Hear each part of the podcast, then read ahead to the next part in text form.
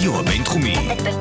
בינתחומי. 106.2 FM. הרדיו הבינתחומי. הרדיו החינוכי של המרכז הבינתחומי. לקום ישראל. 106.2 FM. השחקן השישי עם יובל גופר וסער גל. מדברים על ספורט, פסיכולוגיה ו... ספורט. שלום לכל המאזינים שלנו וגם המאזינות, אה, ברוך הבא לשחקן השישי, אנחנו יובל גופר ו... סער גל. שלום סער.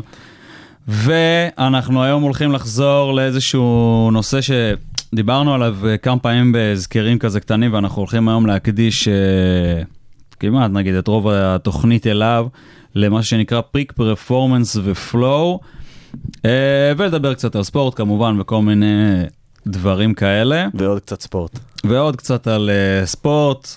Um, אז חשבנו אולי באמת להתחיל מאיזה, לא יודע, אולי איזה סיפור, משהו ש- שיגיד לנו מה זה בכלל פיק פרפורמנס ופלואו. כן, אז uh, ביקשתי ממך uh, לחשוב על uh, איזה סיפור, uh, שנדבר על איזשהו סיפור שמבחינתך הוא סיפור שמייצג כזה איזושהי הופעת שיא של ספורטאי שאתה מכיר. Uh, דיברנו על זה קצת, ואני אמרתי לך שלי יש את הסיפור שלי, אני כבר באתי מוכן, וזה ה-81 נקודות של קובי בריינט. אז uh, לי עלה את, uh, איך קוראים לו? ה-37 נקודות ברבע של uh, קליי תומפסון. של קליי תומפסון, מתי זה? 2018? זה שיא ה flow, שאתה רואה פשוט כן. הבן אדם ב zone של החיים. כן, אז uh, קובי בריינט ב... ב-2006, במשחק של הלייקרס נגד טורונטו, דרך אגב, פיל ג'קסון ממש פותח, יש את ההקדמה החדשה לפרק שלו, Sacred Hoops, ושם הוא מדבר על ה-81 נקודות האלה ועל כל השיח שלו עם קובי בריינט, זה ממש מעניין. אז הלייקרס ניצחו את טורונטו 122-104, uh, קובי בריינט קלע 81 נקודות. זו התוצאה השנייה הטובה בהיסטוריה, אחרי וויל צ'ימברלן שקלה 100 100. נקודות. Uh, ואתה סיפרת לי שהמאה הנקודות האלה לא מצולמות. נכון, זה רק ב... אפשר לשמוע כזה, בגלל זה אף אחד לא, זה פחות כאילו, כן, רק כן. יש מפורסמת התמונה שלו עם המאה, כן, שהוא עומד מחזיק כזה, ושלישי, שלישי זה אני לא? יודע, לא. אני חושב שזה אה, דייווין בוקר, לפני כמה שנים. באמת? כן, נתן הופעה, אתה יודע מה, אני אבדוק עכשיו, אני חושב ששלישי נפ... לפני איזה שלוש שנים, נתן, אם אני לא טועה, הגיע ל-70 נקודות, זה היה מגעיל. פשוט כבר כל הזמן מסרו אה, לו כן, כדי שהוא כן, כן, כן, יקלע כן, עוד ועוד מדבר. ועוד. זה היה נגד סלטיקס, לא? ובגלל זה אני גם היום כל כך מופתע um, שהוא שחקן כזה טוב. אני באותו רגע ראיתי את זה ואמרתי לעצמי, הבן אדם הזה הוא, הוא ראסל ווסטברוק של הנקודות. כן. כאילו פשוט, אתה יודע, סטטיסטיקה ומגעיל, זה גם היה יש גם לו משחק לוק לא קצת חשוב. של ילד מעצבן כזה, אבל... אני אה, אוהב דייווין בוקר דווקא. אבל היום אני מעריך אותו ברמות והמשחק ואחרי גם שקריס פול סיפר עליו שכשהם שהם כל כך תחרותיים שניהם שכשהם משחקים אחד על אחד באימונים זה כמעט תמיד נגמר כאילו כמעט קרוב- מכות. כמעט מכות ממש יפה. אז אה, אה, וגם בפלייאוף הוא נתן בראש אז זהו, אז אה, נחזור לקובי. קובי קלה 81 נקודות. פיל ג'קסון מספר שבאיזשהו שלב, כשהוא ראה את זה קורה, את הקצב אה, קצב נקודות, והוא ראה את אה, איך קובי על המגרש, והוא פשוט הבין שהוא פשוט צריך to lay back, ולא לא, לא להתערב בזה יותר מדי, פשוט לתת לזה לקרות. אה, אחת התגובות, אולי התגובה הכי מעניינת של קובי ישר אחרי המשחק, למקרה הזה היה, הוא דיבר על זה עוד הרבה אחרי זה. עכשיו שאני חושב על זה, אנחנו מקליטים עכשיו, ובטח הפרק הזה יצא פחות או יותר לזכרו ב- בינואר. אה, כבר. שנתיים. איפה היית כש... כן. אה, זהו, אז התגובה של, של קובי בריינט למשחק הזה, ל-81 נקודות, הייתה, אה, זה פשוט קרה. שזו תגובה בעיניי מאוד מאוד מעניינת. יש ממש סרטון ב- ביוטיוב שהוא מדבר על מה זה to be in the zone, הוא לא עושה הפרדה בין zone לפלואו. בעולם המחקר יש איזושהי הפרדה בין zone לפלואו, שהיא די סמנטית, אה, למרות שלמדנו בפילוסופיה שסמנטיקה זה תורת המשמעות, אבל אה, ההפרדה היא לא חד משמעית. כשאנחנו מדברים על הזון בעולם המחקר בפסיכולוגיה של הספורט, אנחנו אה, מתייחסים לזה כפלואו. וקובי מתאר בעצם שהוא נכנס לאיזשהו flow. ואנחנו יודעים את זה לפי ההסבר שלו, אנחנו משווים את זה למימדי ה flow מ- כפי שהם אה, הוגו על ידי אה, מיהאי צ'יקסנטמיהאי בעולם המחקר, אה, ומבינים שקובי בריינט פשוט היה ב flow. טוב, טעיתי. לא, חצי, כאילו באמת קלע 70, אני לא יודע אם אמרתי את זה, אבל זה מה שחשבתי.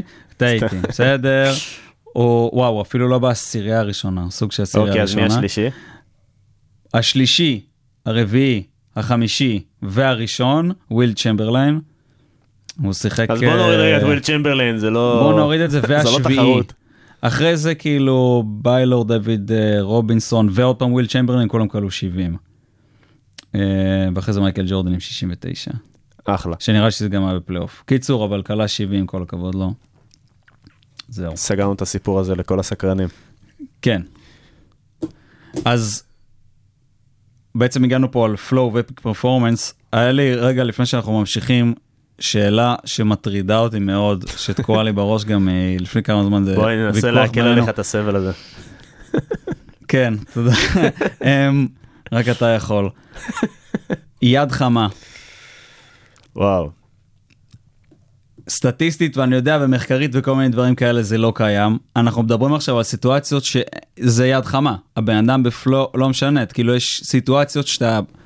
ואני גם יודע את זה מסיפורים. עמרי כספי סיפר על ההרגשה הזאת, גם שהיה לו, שהיה, שהיה לו את התחרות שלשות נגד סטף קרי. כן, הוא כן, פשוט כן, כן, כן. הרגיש שלא משנה... שזה הסיבה שגולדן סטייט הביאו אותו. כן, הסתדר להם בחיים, וגם כן. לא. כל... וואי, איזה, באמת, הוא ודויד בלאט כל כך קרובים. כן. לא משנה. קיצור, השחקנים מתארים, גם מאיר טפירו, שמעתי אותו פעם מדבר על זה, פשוט מתארים את הפלואו. אתה יכול לקרוא לזה, אני חושב, באיזשהו מקום היד החמה, או לא משנה, שאתה מרגיש שהכדור הבא הולך להיכנס, ואיך איך סטטיסטית זה לא מסתדר, אני לא מבין. אוקיי, אז בואו רגע נעשה, נסביר שנייה מה זה היד החמה. אה, תופעת היד החמה מדברת על זה ששחקן מרגיש בדיוק כמו שאנחנו מדברים על איזושהי תחושה של זון בפלואו, פשוט חם, אה, ואז הביצועים שלו משתפרים באופן, אה, אה, באופן משמעותי. וטברסקי וכהנמן, אם אני לא טועה, היו הראשונים שבדקו את אשליית היד החמה. אשלה את היד החמה, אשליית. היד החמה, כן, הם, הם קראו לזה, סליחה, אשליית היד החמה. אה, זה היה משחק, אני לא זוכר המחקר הזה שלהם על ה-76ers, אה, שממש עשו, אה, בדקו נתונים סטטיסטיים, השוואות של המאמן, האם הוא אמר שהשחקן ביד החמה או לא. בכל מקרה, מסתבר שבאמת מבחינה סטטיסטית, אה, באופן יבש, אין דבר כזה יד חמה.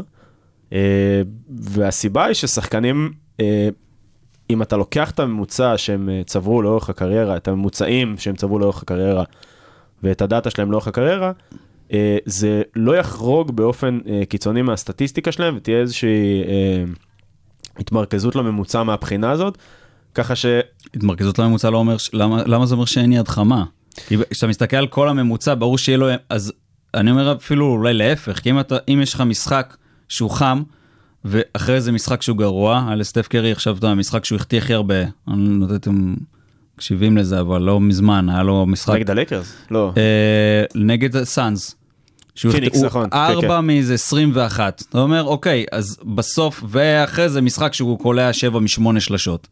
אז בסוף זה מתיישר, אבל הממוצע כאילו מתיישר, אבל מצד שני, אם יש. היה משחק אחד שהוא היה חם, ובאמת לפעמים אתה מרגיש, זה לא משנה הגנות, לא משנה כלום, הוא פשוט, אי אפשר לעצור אותו. זהו, אז ה... קודם כל, אני באמת לא מספיק מבין בתחום הזה של היד החמה, אני, אני, גם, אני גם לא מאמין לסטטיסטיקה הזאת, אני גם חושב שהם, שוב, אני לא, לא יודע להעביר באמת ביקורת על המחקר הזה, אבל הם אה, בחנו התנהלות די רגילה של הקבוצה, ואם אתה מסתכל באמת לא על peak performances כמו של קובי בריינט, למרות שגם קובי בריינט, דרך אגב, באחוזים הוא קלע אחוזים נוראים, גם ב-80 ו... ב-81 נקודות. וואלה, הוא פשוט לא הפסיק הוא לזרוק. פשוט לא הפסיק לזרוק, הוא לדעתי מהשדה היה עם אה, משהו כמו 20 מ-30, משהו כאילו לא אחוזים טובים, זה לא שהוא לא הפסיק לקלוע, הוא פשוט לא הפסיק לזרוק. וכשאתה לוקח את קובי בריינט עם היכולת קליעה שלו זה הופך לש- מתורגם ל-81 נקודות. אבל אה, בקיצור העניין הזה של היד החמה, הם במחקר הזה פשוט בחנו אה, משחקים ממה שאני זוכר, משחקים די רגילים, ולא בחנו הופעות שיא של אנשים, אה, שכזה, אתה יודע, קובי בריינט מתאר את זה שכאילו, אה, אה, שהכל אה, fall into place, כאילו, הכל מסתדר פשוט, ו- ואז מגיע לך מצב כזה. אז שוב. אה, טוב, אז אנחנו מרימים לעצמנו כבר ל flow, אנחנו מרימים כן. לעצמנו ל alley-oop. ל alley-oop. ל layup. אה, אני רגע אעשה סדר ואגיד ש peak performance ו flow אלה לא, אה, אלה לא מושגים אה, אה, חופפים, peak performance ו flow אלה שני מושגים שונים. לא כל peak performance הוא flow. אני, אחד הנושאים השנויים במחלוקת, אני חושב גם בינך לביני, אחד השחקנים השנויים במחלוקת בינך לביני זה קרים בן זמה. כרית. כרית בן זמה. הכרית. שבמשחקים, ואני נותן אותו כדוגמה, כי כשהתחלתי עכשיו בשנתיים האחרונות מאז שעשיתי את התואר, כבר, הוא, הוא, הוא גם נראה יותר טוב על המגרש, אבל לפני זה היו לו כמה שנים שהוא פשוט היה מבקיע במשחקים נוראים. אבל לא רק. הוא היה נראה גרוע ומבקיע, הייתי רואה משחקים של ריאל מדריד, אני אוהד ברצלונה, אבל הייתי רואה גם קצת משחקים של ריאל מדריד, ו... והוא באמת היה נראה רע. ועדיין מבקיע, אז אתה מסתכל על שחקן בואנה, הוא הבקיע שלושה, אבל נגד, אה, לא יודע, אה, אבל גם- להגיד ריאל סוסיידד, הם עכשיו טובים, אבל... אה, אבל לא גם יודע. בליגת האלופות וגם בגמרים הוא הבקיע. כן, הוא היה מבקיע, אבל אני מדבר על זה שבמשחקים שהוא היה נראה לא טוב נגד קבוצות חלשות, הוא היה מבקיע שלושה, ואז אתה אומר וואלה, זה פיק פרפורמנס, אבל הוא לא היה בפלואו, הוא לא היה בשיא שלו, כאילו, אה, הוא מה, לא... מה- מה מצופה מחלוץ? לא, מחלוץ מצופה להבקיע, אבל אה, בסוף אתה, אתה מד... בגלל זה יש הבדל בין peak performance ל flow. flow מתאר הבנתי. איזשהו אה, אה, מצב אה, פסיכולוגי מסוים, שהוא לא חייב להיות בו כדי להבקיע, קרים בן זמה יכול פשוט להיות אה, קציצה ברחבה ויגיע לו כדור וינגח אותו לשער. לתת שנייה אחת הנכון- מהנכונה, כן. אז זה יהיה peak performance ולא flow. כן. אה, אז בוא נסביר רגע באמת מה, מה זה flow כדי אה, טיפה לדייק את זה, אני דווקא אביא פה את זה, ב, ב, במוס, את המושג, אז פלואו הוא בכלל אה, מונח שמגיע מעולם הפסיכולוגיה החיובית, מרטין זליגמן, אתה זוכר אותו? כן. אז מרטין זליגמן ומיאי צ'יקסמיאי אה, היו, לדעתי גם שניהם יושבי ראש, לא, מרטין זליגמן הוא היה יושב ראש של ה-APA. של ה-APA, של איגוד הפסיכולוגים האמריקאי. מיאי צ'יקסנט מיאי והוא אה, הם מההוגים ומהאבות של הפסיכולוגיה החיובית אה, בעולם המודרני. אה, והמונח פלואו הגיע בכלל מפסיכולוגיה חיובית. הוא לא הגיע ספציפית מספורט, הוא הגיע מפסיכולוגיה חיובית, והוא מתאר אה, חוויה בולטת בהיותה טובה מהממוצע אה, באופן מסוים, אה, בה המבצע שקוע לחלוטין בביצוע הפעולה, אה, וחווה חווה את התגמול ממנה מעצם הביצוע עצמו. זה הכי טוב שיכלתי אה, לתרגם את זה, ו- וכאילו בדיוק של התרגומים אה, מהאנגלית, כי יש פה כמה דברים שבאנגלית נשמעים יותר טוב, אה, אבל אנחנו מבינים שיש פה איזושהי אה, חוויה ייחודית, זאת אומרת זה לא רק מה אתה עושה, אלא איך אתה מרגיש בתוך החוויה. אה, יש את העניין של להיות שקוע בביצוע של הפעולה.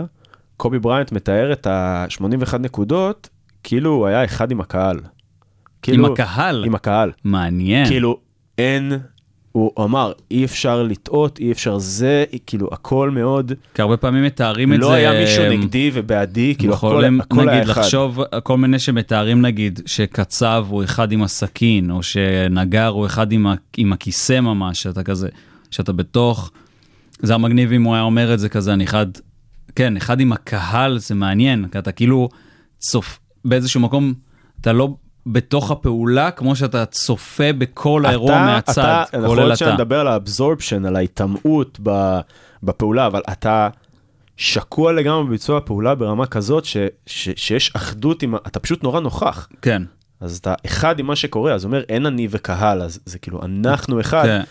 אה, אז זה אחד מהדברים ש, אה, שמאוד אה, בולטים ב flow, אה, וגם self, self rewarding, אה, עצם זה שביצוע פעולה נורא מתגמל, התוצאה שלה לא משנה. שזה אה, גורם באמת זה דרך אגב ליכולות, בפסיכולוגיה חיובית, אנחנו ליכולות בספורט כך ברור שיש גבוהות, גם, כי התוצאה לא מלחיצה, זה לא משנה, אני, עצם הפעולה עצמה, עצם הזריקה של הכדור, מהנה אותי, זה לא משנה אם כן. הוא ייכנס או לא. עצם זה שאני נמצא עכשיו, זה נוכחות מאוד מאוד חזקה ברגע, ועצם זה שאני נמצא עכשיו ב- בחוויה הזאת, זה, זה, זה, מזה אני, אני מקבל את ההנאה שלי. אה, וזו חוויה נורא נורא מיוחדת. אה, תשאל את קרים בן זמה על השלושה שלו נגד דלצ'ה, לא יודע נגד מי זה היה אפילו ה... אה, אספר לך על השלושה השווארמה שהוא אכל אחרי. כן, אבל האמת שהוא דווקא, אתה יודע, מבחינת כושר הוא לקח את עצמו בידיים בשנתיים האחרונות. כל הכבוד לך, קרים. יפה קרים, אחרי כל המשכורת שמגיעה לך, אתה גם באמת צריך קצת הכרית הכי. חמה על המגרש. לא, אבל אני גם מעריך את קרים בן זמה, שלא שלא יישמע פה אחרת, הוא באמת שחקן, אה, שחקן, הוא ספורטאי טוב. אמ, בכל מקרה, אה, אז יש הבדל בין ביצוע שיא, אם עכשיו אני באמת נותן איזשהו ביצוע שיא, לבין האם באמת הייתי בפלואו. והפלואו הזה זה, זה, זה, זה, זה החוויה, זה לא רק התוצאה. אה, ואנחנו אה, אז בואו... צריכים לשים את הדגש הזה.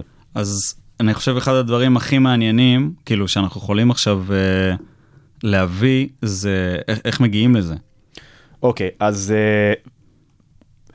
פלואו נע על אה, שני צירים מאוד מאוד משמעותיים, שצריכים, אני אתחיל רגע ואגיד שפלואו אי אפשר ליצור. אני לא יכול להחליט שאני עושה פלואו. אתה אני לא יכול יכול להחליט שאני נכנס לסד... לסדר את התנאים שאולי יגרמו לך לפלואו בדיוק, הכי אני צריך לעשות, לייצר תנאים אופטימליים כדי להגיע לפלואו. טוב. אני חושב שזה מזכיר, אולי לחלקנו, תהליך של אה, כניסה למצב יצירתי. אני שומע את זה הרבה מאומנים. נכון, נגיד שהם... בדיוק. איך אני עכשיו גור... מכניס את עצמי, או לסטודנטים אפילו, אני יודע את זה על עצמי, איך אני מכניס את עצמי למצב שאני מצליח להתרכז.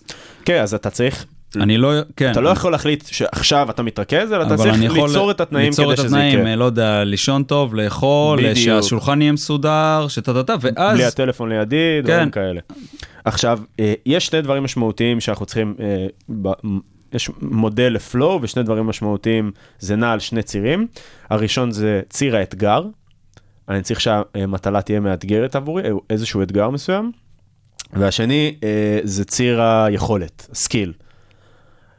כשהאתגר גבוה ויש לי יכולת גבוהה, אז זה אחד מהתנאים כדי שייווצר flow. אז כאילו אתה אומר שזה צריך להיות בהתאמה. כאילו שזה לא להיות- צריך להיות בדיוק. אחד, אה, זה לא, זה לא פחות משנה איפה הם, רק שהם יהיו ביחד. אם יש לי יכולת מאוד גבוהה, צריך להיות, בדיוק. האתגר צריך להיות מאוד גבוה. אם יש לי יכולת נמוכה, האתגר צריך להיות פשוט. בדיוק, אז עכשיו אני אתן דוגמאות. אה, אז נגיד, מה שקורה עם האתגר מאוד נמוך אה, והסקיל שלי מאוד נמוך, אה, אני, זה מה שנקרא מצב של אפתיה, אפתיות, אדישות.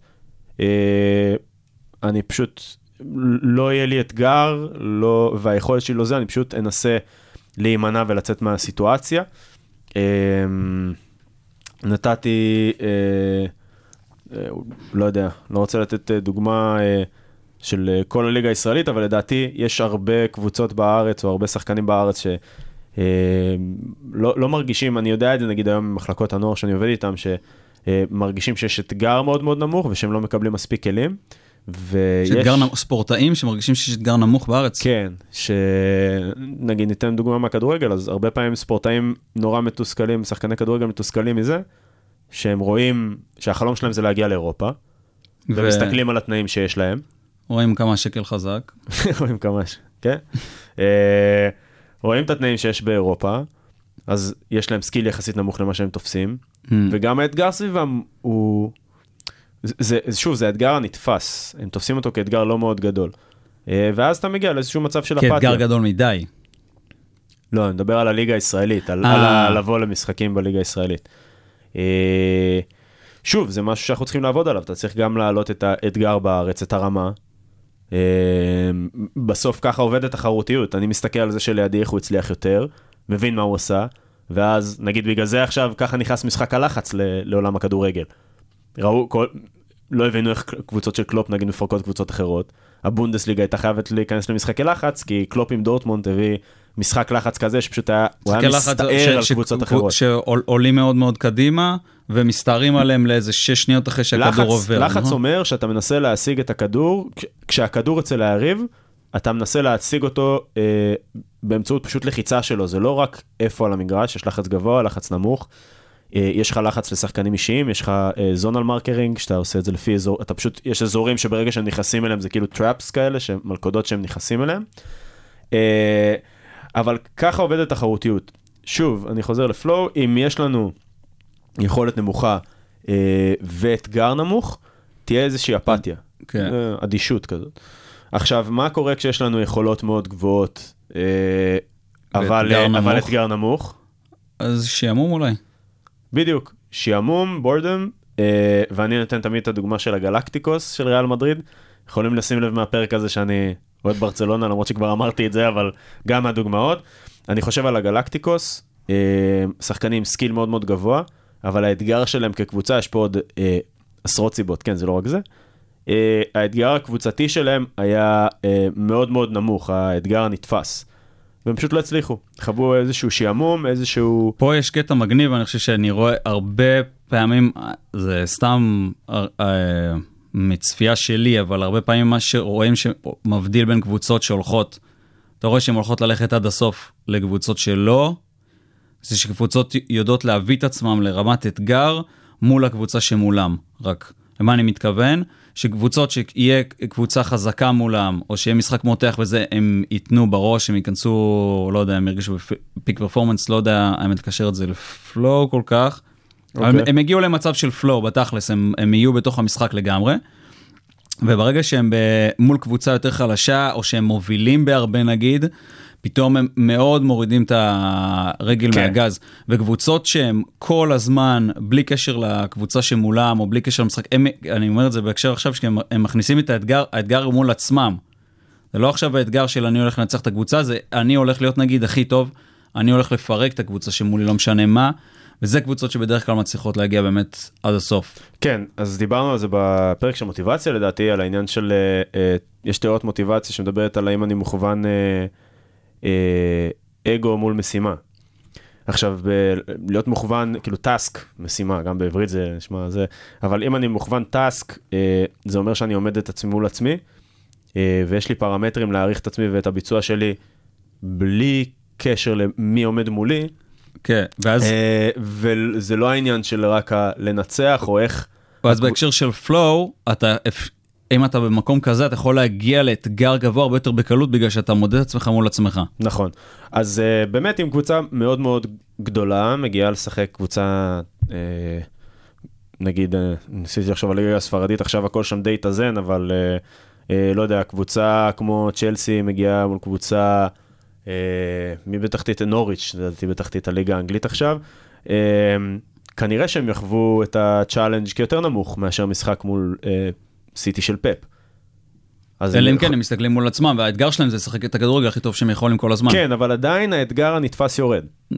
כן. אנחנו, ושוב, מאמן, אה, מאמן שידע איך להפעיל את השחקנים שלו, ידע להציב להם יעדים ספציפית למשחק הזה. שוב, זה לא ישנה לי מה התוצאה, אלא יש לנו יעדים שאנחנו רוצים להשיג.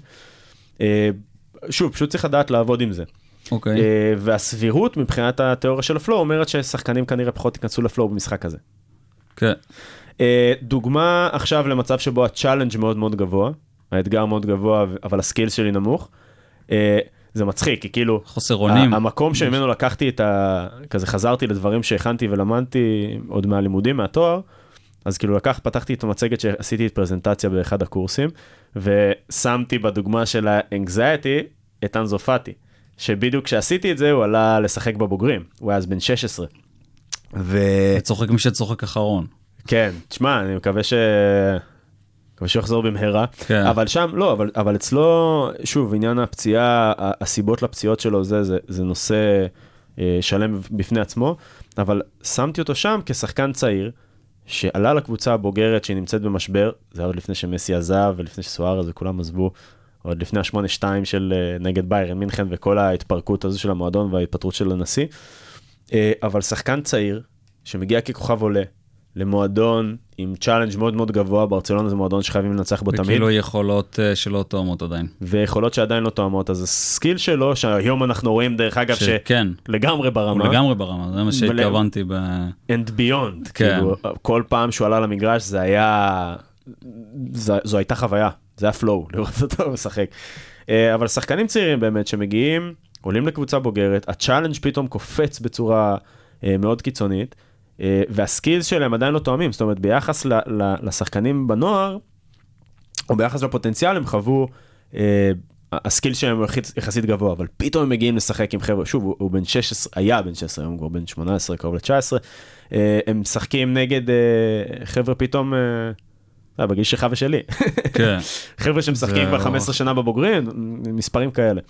אה, אז זה עולה.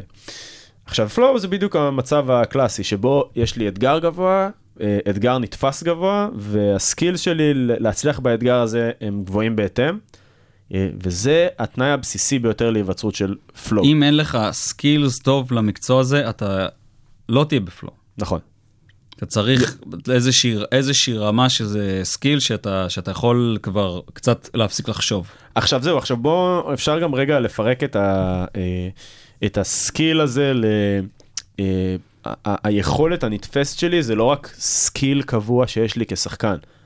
שוב, זה גם הרבה בעניין של איך אני מתודרך לקראת המשחק הזה, האם קיבלתי את המידע שאני צריך כדי לעשות את הדברים, האם אני מרגיש שיש אה, אקלים קבוצתי שמתאים לזה, האם הקבוצה יכול להיות מספיק. משימתית אתה לקראת עכשיו- המשחק. אתה עכשיו אה, לומד לנגן על גיטרה, אתה לומד לגלוש בים. כן. הפעמים הראש... מה זה הפעמים הראשונות? ייקח הרבה מאוד זמן עד שתוכל להגיע למצב של פלואו. אתה... אז אולי בגיטרה אתה תוכל להרגיש את זה בדברים מאוד פשוטים, שתתחיל לנגן ות... ואתה תצליח לעשות משהו אחד, אבל המקום הזה הוא... Uh, יש לו סף של, uh, של איזושהי מיומנות uh, מקצועית. נכון.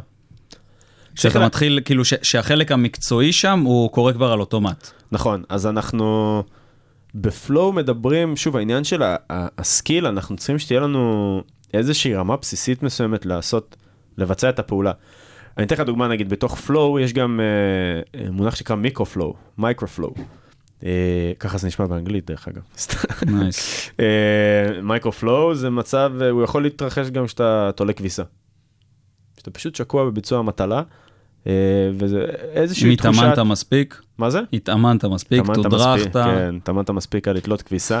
אה, עוד בבית של אימא, לימדה אותך איך לתלות כביסה כמו שצריך. אימא שלי באמת לימדה אותי איך לתלות כביסה, כי הייתה אומרת שהייתי עושה את זה לא טוב. הייתי פשוט תוקע את זה מאמצע הגרב, ואז היה מקומט, והייתי צריך... אה, בכל מקרה, זה יכול להיות מייקרופלו, הסקיל שלך בתליית כביסה הוא סבבה. אה, זה יכול להיות שאתה שוטף את הבית. אה, ואתה פשוט יכול אה, לשקוע על זה, זה באיזושהי נוכחות מאוד עמוקה בעצם מה שאתה עושה, פחות מחשבות על מה, מה היה, מה צריך להיות. אה, דמיין את זה שאתה עושה את זה נגיד ביום שאתה נינוח, לעומת יום שאתה לחוץ כבר לעוף, לצאת מהבית, אתה רק חושב על הזמנים, מתי זה, מתי אני יוצא, ו... אז אתה יכול להיות ב flow גם כשאתה תולה כביסה. אבל כשאנחנו מדברים על השדה הספורטיבי, flow צריך, ה skill שלי צריכים להיות מאוד מאוד גבוהים, ושוב, זה לא skill, הוא לא תכונה קבועה. אני צריך תמיד להתאים את עצמי למסגרת שבה אני משתתף. מה עוד חוץ מסקילס ואתגר? אוקיי, אז אה, ברגע שהציר הזה מיושם, אנחנו מעלים את הסיכוי שיכול, אה, של פלואו להתרחש, אבל כשאנחנו אה, מדברים על פלואו, פלואו מתאפיין בתשעה מימדים. ואנחנו נעבור על תשעת המימדים האלה, אה, כי זה מעניין להבין. אז אנחנו מדברים קודם כל, אז אחד באמת המימדים זה, דיברנו הרגע, זה העניין של ה-challenge skill balance, האיזון אה, בין היכולת לאתגר. והציר השני זה ה-merging, ה- תחושת ה-action awareness merging, זה ההתאמות במה שאני עושה, זה עוד לא absorption, אבל זה תחושה של effortlessness, effortlessness. effortlessness, כאילו חסר מאמץ. ו-oneness. הרגשה של חס- הרגשה של של חוסר מאמץ. כן. עכשיו, יש משהו נורא נורא מבלבל במה זה חוסר מאמץ בספורט, כי יש מאמץ גופני, בנשימה והכל, אבל אנחנו מדברים על מאמץ פסיכולוגי. הצורך, אה, נגיד, ציפיות, שיפוטים, כל מיני מונחים שאנחנו עוד דיברנו נדבר עליהם בספורט, אה, עיוותי חשיבה, מה צריך לקרות, תפיסת אה, if then, כאלה. לא קיימים. וברגע שזהו, וברגע שהם לא נמצאים, יש תחושת הקלה נורא נורא גדולה. גם קובי יספר על ה-81 נקודות האלה שהם באו לו נורא בקלות.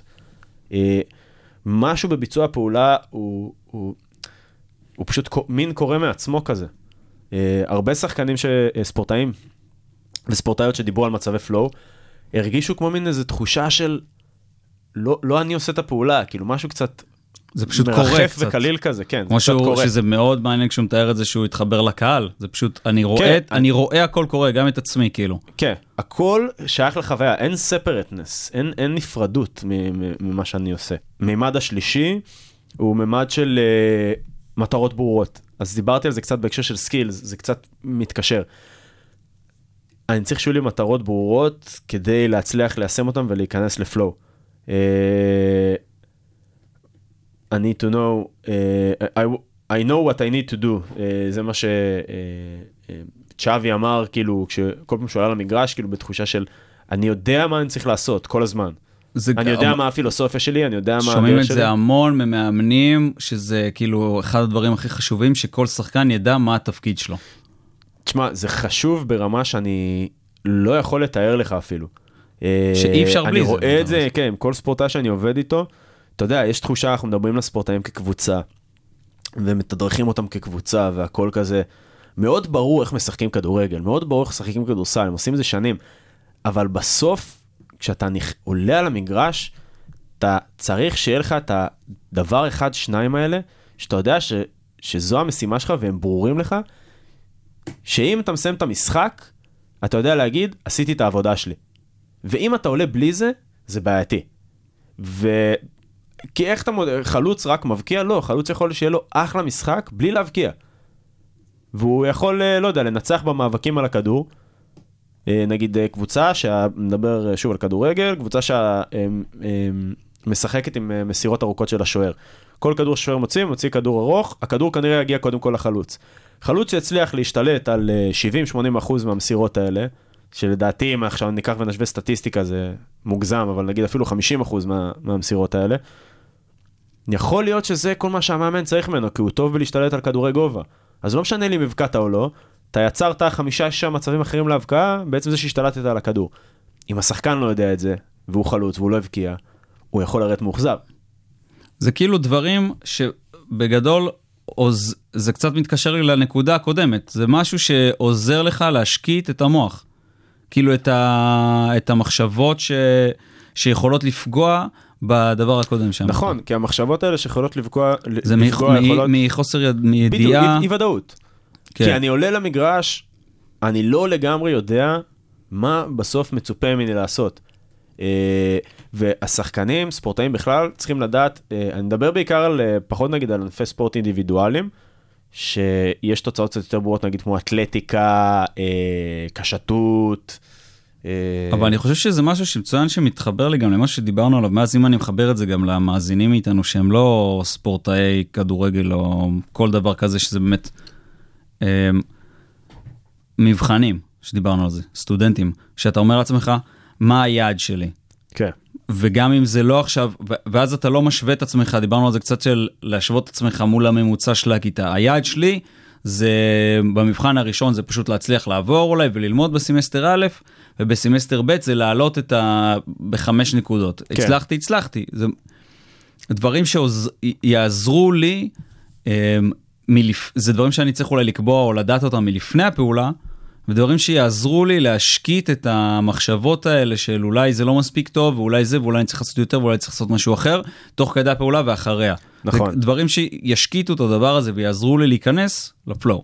זהו, אז בהקשר של פלואו, אנחנו באמת צריכים לדעת, ב, שוב, בשדה הספורטיבי, אני רגע שם בצד את היכולת להיכנס לפלואו בלי קשר לכלום, אני צריך לדעת מה המטרות שלי כדי להיכנס ל flow, אחרת, שוב, ה mind שלי יכול ללכת לכל מיני כיוונים, לא לגמרי, כאילו, חוסר אה, בהירות. אה, מ... וזה ממש מופיע בממד הבא, העניין של, זה, של בהירות, מבחינת מה אני עושה, האם אני עומד בציפיות של המאמן, זה דבר שעכשיו יכול להוציא אותי מה flow. פחד מהתגובה של המאמן, נגיד במחצית. אבל אם אני יודע שהמאמן נתן לי שתי יעדים מדויקים ועמדתי בהם, כדורסל, ריבאונד התקפה, אה, לקיחת זריקות, לא כליאה של זריקות, כי אנחנו לא אנחנו רוצים לתת משהו נשלט, לקיחת זריקות. זה מה שאני יודע, אוקיי, המאמן אמר לי, אני רוצה, שעכשיו, אני רוצה אותך שתיקח ארבע זריקות במחצית הזאת. לקחת אותם, המאמן כאילו אמור לתת לך פידבק חיובי. זה אה, עניין של... אה, חטיף שוקולד. קח חטיף שוק, קח דובונים. אה, מימד רביעי, אה, unambiguous feedback, פידבק חד משמעי, או ש- שהינו דו משמעי. כן. אה, זה מה שדיברנו עכשיו, אז אנחנו לא נתעכב על זה, זה באמת ההבנה של האם מה שעשיתי הוא טוב, מצופה, אם הייתי a good boy או bad boy, זה ה- אה, התפיסה הזאת. אה, מימד חמישי ומאוד חשוב, total concentration. אה, ריכוז ריכוז מלא. אה, ואנחנו, בגלל זה אנחנו, ואני, וזה נושא בפני עצמו שאנחנו גם נדבר עליו, מיינדפולנס. מאוד, בגלל שמיינדפולנס הוא איזשהו אה, תיאוריה של הפניית קשב, או אה, אה, כל מה ש... או רוב העיסוק של מיינדפולנס הוא, הוא בבסיס שלו בהפניית קשב. אה, בגלל זה הוא מסייע כל כך ל flow, ובתור, ב... אני לא רוצה להגיד אה, תורה, כן, אבל אה, בשיטת ה-MSP, Mindful Sport Performance Enhancement, שזה אחת אה, משיטות המיינדפולנס האולי מוכרות כאילו והפופולריות ביותר בעולם הספורט. מיינדפולנס שמטרתו שיפור ביצועים בספורט. בספורט, כן. אה, הם מדברים באמת, ב-MSP מדברים באמת הרבה על העניין הזה של אה, איך הריכוז הזה יכול אה, לסייע לפלואו, זאת אומרת, הם ממש קשרו את זה בספר שלהם, שעליו קצת- עשיתי את התזה, דרכו, איתו עשיתי את התזה שלי, ממש מדברים על הקשר בין מיינדפולנס לפלואו. לג, לגמרי, מה שמוזר לי בדבר הזה זה שזה נשמע כאילו, להגיד להתרכז זה כמו להגיד תיכנס לפלואו. כאילו, איך אני אני מגיע לסיטואציה שאני מתרכז, זה מה שאני אענה. אבל לאחד הזה, יכול להיות תסכים איתי או לא, זה מרגיש יותר כמו תנאי הכרחי מאשר משהו, מאשר... אמ, אתה מבין מה אני מתכוון? תנאי הכרחי שצריך לקרות לי, לעומת הדברים האחרים שזה משהו שאולי אני יותר יכול לשלוט, כאילו לבנות את המצב כדי שאני אכנס לפלואו. כן, אז כשאנחנו מדברים על תשעת הממדים, זה לא צ'קליסט שאנחנו צריכים לעשות אה, כדי להיות בפלואו, אלא אנחנו, הפוך, אנחנו מסתכלים בחוויה ומבינים שזה מה שקורה בה.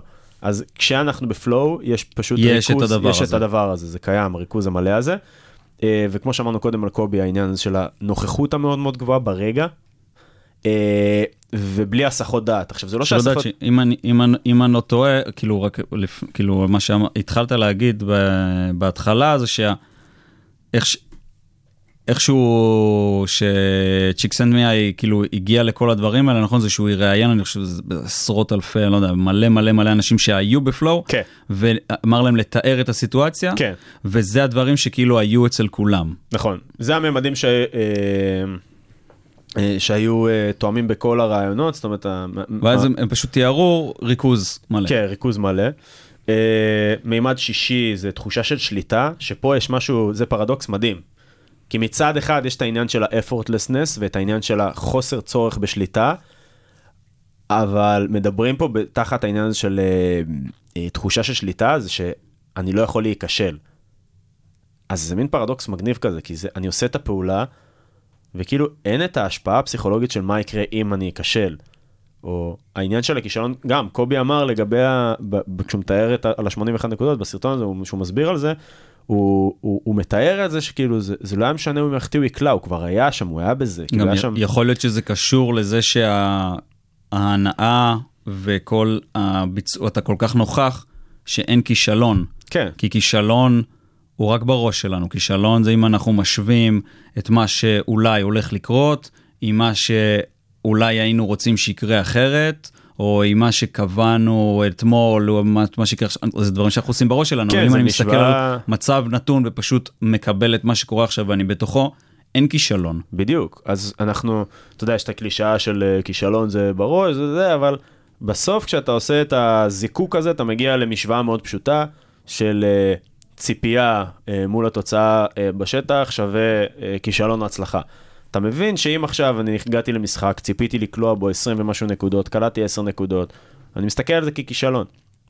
או עשוי להסתכל על זה ככישלון. אפילו שזה יכולים- מגניב, כי אני גם מצד שני אמרנו שאנחנו כן צריכים מטרות ספציפיות. כן. אז יש פה כל מיני פרדוקסים כאלה. נכון, יש הרבה פרדוקסים, אה, שוב, ה-sense of control זה אולי אחד הפרדוקסים הכי גדולים, אבל אנחנו, בסוף יש פה איזושהי מושקעות אה, פסיכולוגית, או איזשהו אה, משהו, הזדהות עם איזשהו עצמי כזה שאני תופס, איך אני תופס את עצמי בביצוע, איך אני צריך להיות.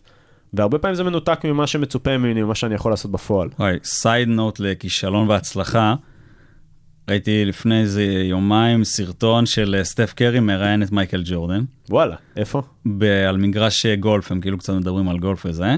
ואז מייקל ג'ורדן שואל, זו שיחה ממש מגניבה, אבל מייקל ג'ורדן שואל את, אה, את סטף קרי, אומר לו, יש תמיד את השאלה הקלאסית הזאת, מה אתה יותר, אה, מה יותר מניע אותך?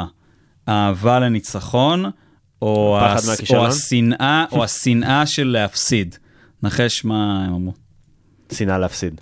שניהם חד משמעית, בדוק. בשניות. כן. אמרו, אין, שניהם, אין דבר שאני יותר שונא מלהפסיד.